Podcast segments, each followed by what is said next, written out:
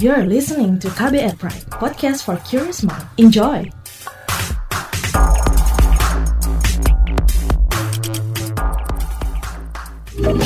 Kamu lagi dengerin What's Trending KBR Pagi. Selamat pagi, apa kabar Anda hari ini di hari Rabu 4 November 2020? Kembali lagi Don Brady menemani pagi hari Anda di What's Trending KPR Pagi yang selalu ngobrolin hal-hal yang lagi ramai diperbincangkan. Oke, pagi ini kita ngobrolin soal desakan menggiatkan 3T pasca liburan panjang. Jadi, usai libur panjang muncul kekhawatiran soal kemungkinan adanya penambahan kasus COVID-19. Soalnya nih, dalam empat hari rapid test yang digelar di kawasan puncak Bogor saja itu didapati lebih dari 60 wisatawan yang reaktif dan untuk Jawa Tengah sendiri itu Pemprov melaporkan lebih dari 100 wisatawan reaktif dari pemeriksaan tes COVID secara acak pada masa libur kemarin. Dan sekarang masyarakat kembali kepada rutinitasnya masing-masing nih, kembali kerja, kembali uh, ke rumah, keluarga ya. Ikatan Ahli Kesehatan Masyarakat Indonesia atau IAKMI pun mendesak pemerintah, baik di pusat maupun daerah, untuk menguatkan 3T, yakni testing, tracing, and treatment. Sebelum kita bahas lebih lanjut, kita simak dulu komentar netizen plus 62 soal ini. Ini dia. Pertama akun @lil_apama 2011 bilang, ia berkaca pada pengalaman liburan panjang pada pertengahan Agustus lalu yang menghasilkan lonjakan kasus positif COVID-19 secara nasional pada dua pekan setelah libur panjang berlangsung. Jangan abai prokes COVID. Kalau akun at Dr. Priyono satu bilang, Jimbaran, Bali saat liburan panjang Oktober 2020, semua berbahagia, happy, melupakan pandemi yang tak kunjung terkendali. Pasca liburan, sebagian mungkin akan mengalami happy hipoksia. Semoga kapasitas RS masih bisa menangani lonjakan kasus, cegah klaster tempat tinggal dan tempat kerja. Akun @cod Damonash bilang, waduh, Nah, akun @samc17895 bilang, udah biarkan saja. Cukup seleksi alam yang mengatur mereka. Semua baik-baik saja sampai akhirnya keluarga dekatnya meninggal. Hanya kematian pemberi pelajaran terbaik. Akun @cookie97663838 bilang, iya, tapi kalau sakit kan mereka ke RS. Biasanya rewel, nggak sabaran, bagus kalau jujur ngaku habis liburan. Akun @jan Muhammad underscore bilang, saya pikir setelah liburan panjang dan pergi liburan seseorang teman akan merasa bahagia, tapi barusan dia cerita malah sebaliknya. Akun @st anarchistus bilang, ini yang katanya susah cari makan atau duit gara-gara PSBB ekonomi anjlok. Sekarang bakar duit buat liburan. Nah, akun @singgi underscore sahib bilang, melupakan sejenak hashtag COVID-19 demi mengusir bosan yang malah berakibat fatal bagi orang atau dirinya sendiri. Akun @kuaskua underscore bilang, iya kata temen sih covidnya libur sejak 28 sampai 1 November. Akun @citra mygsr bilang, kan yang penting pakai masker di dagu. Sedangkan akun @syambari bilang, nampaknya protokol kesehatan sudah tidak berlaku ya. Semua akan kembali kepada diri sendiri. Terakhir akun @chitnoe bilang, pulang terus kena covid pengobatannya minta dibayarin pemerintah. Malu sama tiket pesawat.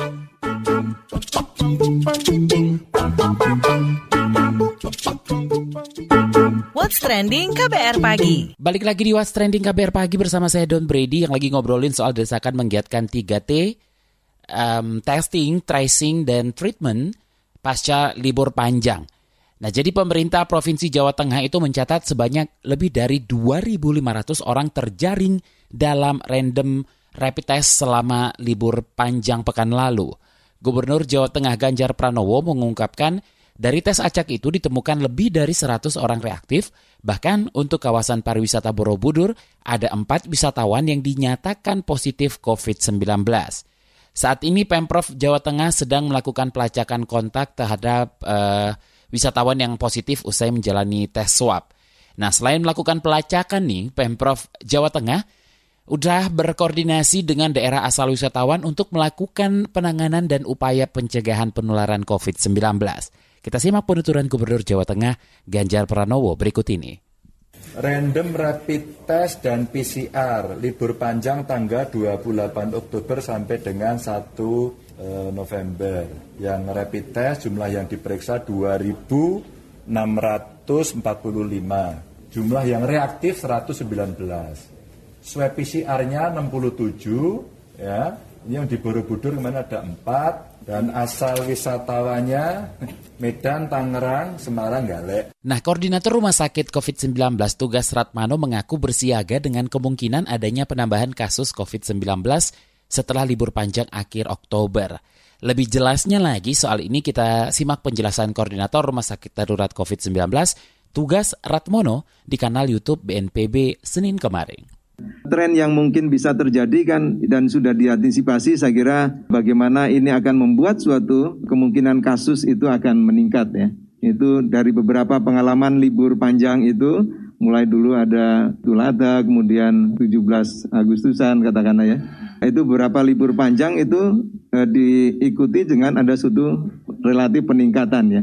Dan ini lebih panjang lagi liburnya. Kemarin juga sudah dibicarakan untuk bagaimana antisipasi kalau ada peningkatan. Tapi kalau kita lihat di katakanlah ketersediaan hunian di rumah sakit darurat COVID-19, kemudian tenaga kesehatan yang masih cukup untuk mengatasi atau melayani kalau ada suatu lonjakan di rumah sakit darurat COVID-19 kita sudah siap untuk antisipasi kalau ada suatu kemungkinan tren akan meningkat dan kita tetap harus selalu waspada dan mudah-mudahan di sana tidak ada permasalahan di dalam menghadapi pasca libur panjang ini.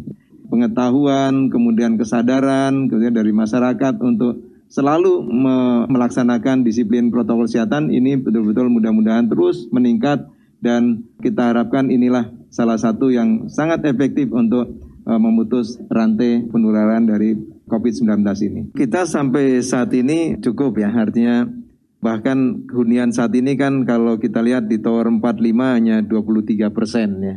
Artinya 70 76, sekian persen itu masih tersedia untuk bednya. Juga untuk di tower 6 dan 7 untuk merawatan ringan dan sedang ini juga huniannya 36,3 persen. Artinya ini masih ada 60 3, sekian persen itu untuk tercukupi untuk kalau misalkan ada yang akan dirawat lagi. Nanti kita akan ngobrol dengan Dewan Pakar Ikatan Ahli Kesehatan Masyarakat Indonesia yakni Hermawan Saputra. Seperti apa sih langkah yang harus dilakukan pasca libur panjang ini? Jangan ke mana-mana, tetap di What's Trending KBR Pagi. What's Trending KBR Pagi. Balik lagi di What's Trending KBR Pagi, seperti yang sudah saya janjikan tadi, langkah apa saja yang perlu ditempuh pasca libur panjang untuk mengantisipasi tingginya kasus COVID-19? Sudah bersama saya Dewan Pakar Ikatan Ahli Kesehatan Masyarakat Indonesia atau IAKMI, Hermawan Saputra. Pak Hermawan, saat semua warga telah kembali dari libur panjang, apa yang perlu diwaspadai soal klaster liburan? Pertama kan pemerintah yang harus lebih mewaspadai ya sebagai tanggung jawab kewilayahan. Misalnya pemerintah DKI sebagai daerah urban, kemudian warganya dari berbagai data kurang lebih 2 juta orang yang bergerak keluar DKI ya selama masa liburan.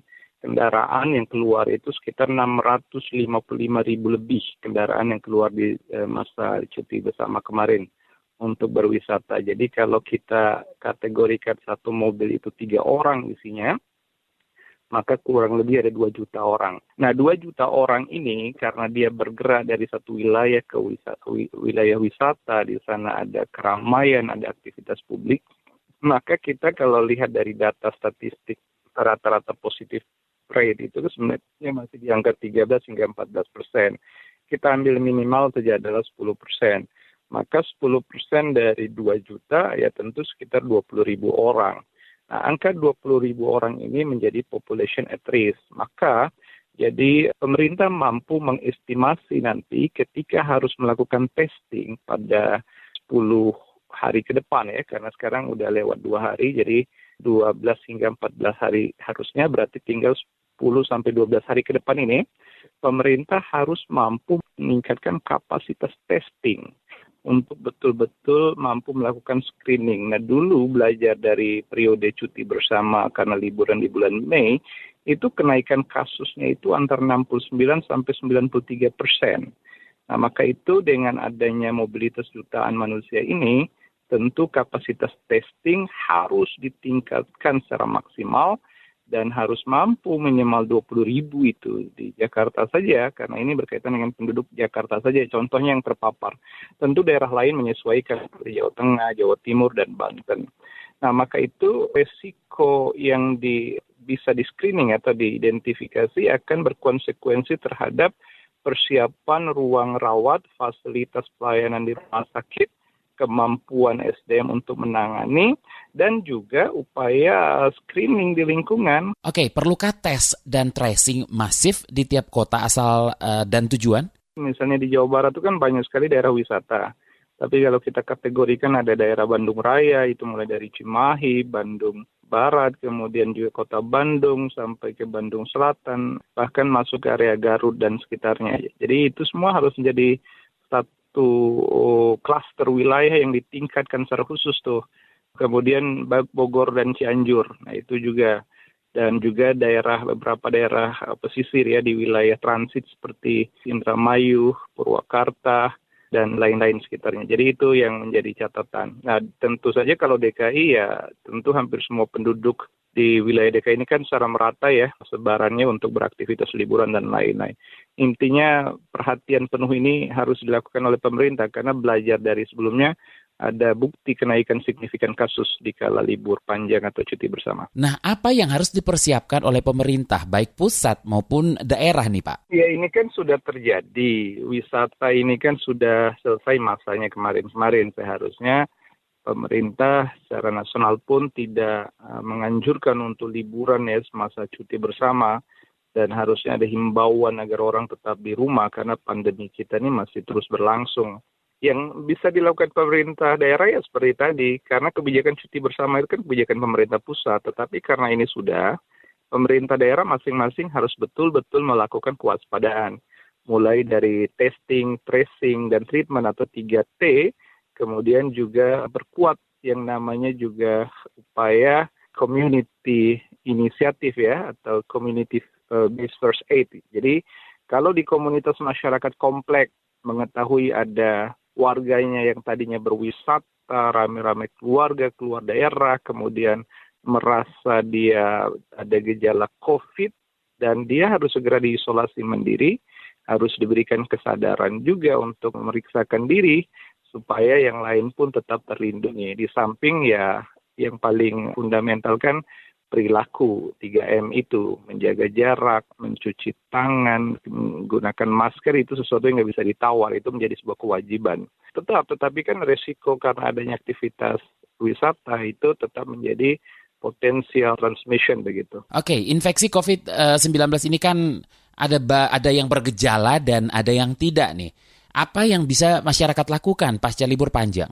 memang yang paling dikhawatirkan itu yang mereka dengan OTG atau bahkan yang bergejala ya karena sekarang kan dengan transisi epidemiologi karena cuaca musim penghujan ini banyak yang samar seperti pilek atau flu biasa gitu ya atau demam karena adanya uh, infeksi atau bakteri atau apa. Nah, ini kan akan samar. Maka gejala-gejala yang umum seperti demam, batuk, pilek gitu ya, hidung tersumbat, itu sangat amar dengan COVID di kala cuaca seperti saat ini.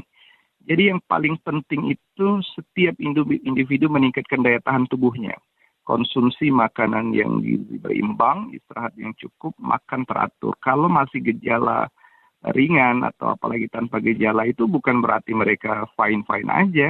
Boleh jadi tertular, terpapar, tetapi tidak merasakan. Maka kewaspadaan menggunakan masker itu itu bukan lagi himbauan ya, tapi harus menjadi penegakan kewajiban memang. Kalau suasana kita seperti saat ini. Nah, jadi masing-masing individu yang bisa dilakukan itu meningkatkan daya tahan fisik secara pribadi dan keluarga, tetap taati protokol kesehatan dan jangan sungkan untuk memeriksakan diri kalau memang dia mendapatkan dirinya bergejala khusus.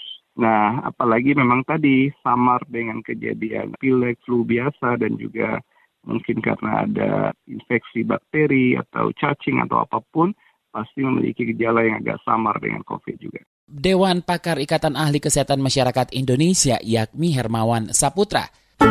What's Trending KBR Pagi. Demikian KBR Pagi hari ini. Terima kasih udah dengerin dari awal tadi dan buat Anda yang ketinggalan siaran ini, Anda jangan khawatir, Anda kembali bisa menyimak di podcast What's Trending yang ada di kbrprime.id atau di Spotify dan di aplikasi mendengarkan podcast lainnya. Akhirnya saya Don Brady undur diri. Jangan lupa selalu pakai masker dan patuhi protokol kesehatan ya. Besok ketemu lagi. Bye-bye. Terima kasih ya sudah dengerin What's Trending KBR Pagi. KBR Prime, cara asik mendengar berita. KBR Prime, podcast for curious mind.